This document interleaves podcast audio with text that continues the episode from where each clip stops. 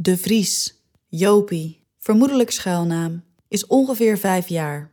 Zegt zelf: Ik kom van de Hofmeijerstraat 22 in Amsterdam. Aankomst 22 of 23 augustus 1943. Bijzonderheden. Jopie praat over oom Sam en tante Suusje, een zusje Suzanne en oma Levi. In de dagen en weken na de bevrijding staan de kranten vol met zulke oproepjes. Het zijn oproepjes van Joodse ouders die hun kinderen zoeken, of van pleeggezinnen die de ouders van hun pleegkinderen proberen te vinden. Kinderen en ouders hebben soms jarenlang afzonderlijk van elkaar ondergedoken gezeten, niet wetend of ze elkaar nog terug zullen zien. Oorlogspleegkinderen worden ze genoemd.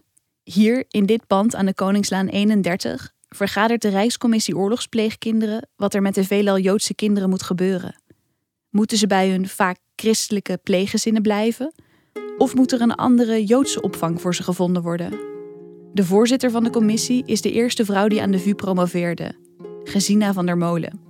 Veel mensen vinden dat ze lijkt op koningin Wilhelmina, met haar keurige hoed, nette handschoenen en onafscheidelijke tas vol paparassen. En Gesina van der Molen is stellig.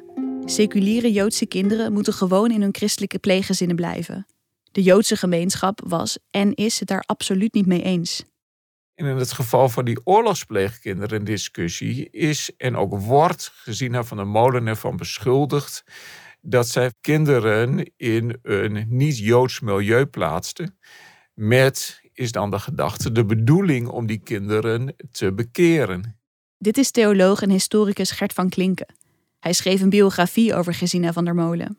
Van der Molen is omstreden vanwege haar starre houding. Maar tijdens de oorlog was ze een van de grootste verzetsmensen uit Amsterdam. En ook voor de VU was ze een bijzonder persoon. Het was een koppige vrouw in een tijd waarin je ook niet anders dan koppig kon zijn. In haar tijd was het nog zo dat in haar milieu vrouwen geacht werden uh, de man te assisteren in de zorg en in uh, het gezin. En je had als vrouw dus een dienende rol. De gereformeerde Gesina wil geen dienende rol. Ze wil studeren aan de VU en promoveren. En ik kan het en ik wil het en uh, laat mij toe. En vervolgens wilde ze daar ook docent en hoogleraar worden. Nou, dan moet je dus tegen weerstand ingaan. Niet alleen omdat ze wilde studeren en promoveren, ook omdat ze als gereformeerde vrouw samenwoonde met haar rooms-katholieke vriendin, Mies Nolte. Nou, dat is natuurlijk iets heel vreemds voor die gereformeerde wereld van toen. Zij uh, zegt tegen haar vader: Je hebt ofwel twee dochters ofwel nul. Je mag kiezen. Nou, dan gaat vader gaat toch akkoord. Uh, mijn dochter leeft samen met Mies. En in de vuurwereld zegt ze van jullie hoeven er niks van te vinden, maar het enige wat ik vraag is dat jullie mij vertrouwen geven in die relatie. Dus dat was al iets ongelooflijks dat ze dat kon doorzetten. Dat je alle proffen van de VU op haar promotie ziet. En dat je dan bovendien ziet dat al die proffen om een samenwonend vrouwelijk stel heen staan. Wat dan feestelijk in het midden staat. Dus dat zijn natuurlijk wel enorme doorbraken in die geschiedenis van de VU. En als Gesina wat aardiger geweest was, wat gevoeliger voor al die mensen die er ook wat over fluisterden en het gek en vreemd vonden, dan was ze al lang weg geweest. Dan was ze weggevaagd. Dus ze moest ook koppig zijn. Ze moest ook bijna drammerig zijn. Ze moest ook gewoon die dikke olifantshuid hebben. En aan de andere kant is het zo dat juist door haar gelijkhebberij zij tot de weinigen behoort in Nederland die in die oorlog echt ook uh, tot actief verzet overgaan. Al vroeg in de oorlog zit ze in de redactie van het illegale blad Vrij Nederland. En later richt ze ook het verzetsblad Trouw op. Bij toeval belandt ze in de tuin achter de crash van de Hollandse Schouwburg, waar ze ziet hoe verzetsmensen Joodse kinderen proberen weg te smokkelen om te voorkomen dat ze naar Westerbork gedeporteerd worden. Ook zij gaat kinderen helpen onderduiken. Zij is dan een van die mensen die in die school aan de achterkant bij de heg Joodse kinderen overneemt die uit die crash komen. Je hebt die crash voor de kleintjes aan de overkant.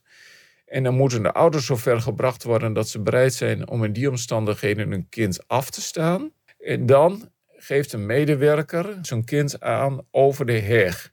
Gezina neemt zo'n kind dan mee en brengt het naar een van de talloze onderduikadressen in de stad. En daarna naar het platteland. Gezina en Mies zitten zelf dan ook ondergedoken in de buurt. Ze besluiten dat het niet langer veilig is nadat ze opgepakt worden. Zij is opgepakt geweest uh, in het midden van de oorlog. En toen hebben ze haar nog laten lopen. Zij kon zich heel goed voordoen als de verstrooide professor. Dat ze in die gevangenis in Arnhem zitten. En dat Mies en Gezina zich daar met een soort oude dametjesrol weten uit te praten. Als ze daaruit terugkomen, dan duiken ze onder en dan zitten ze tot het eind van de oorlog zitten ze in de onderduik. En dan zijn ze op een gegeven moment ook tot uh, die categorie doorgedrongen van de meest gezochte Nederlanders. Nou, dat is echt een groep waarbij gepakt worden betekent uh, dat het je dood is.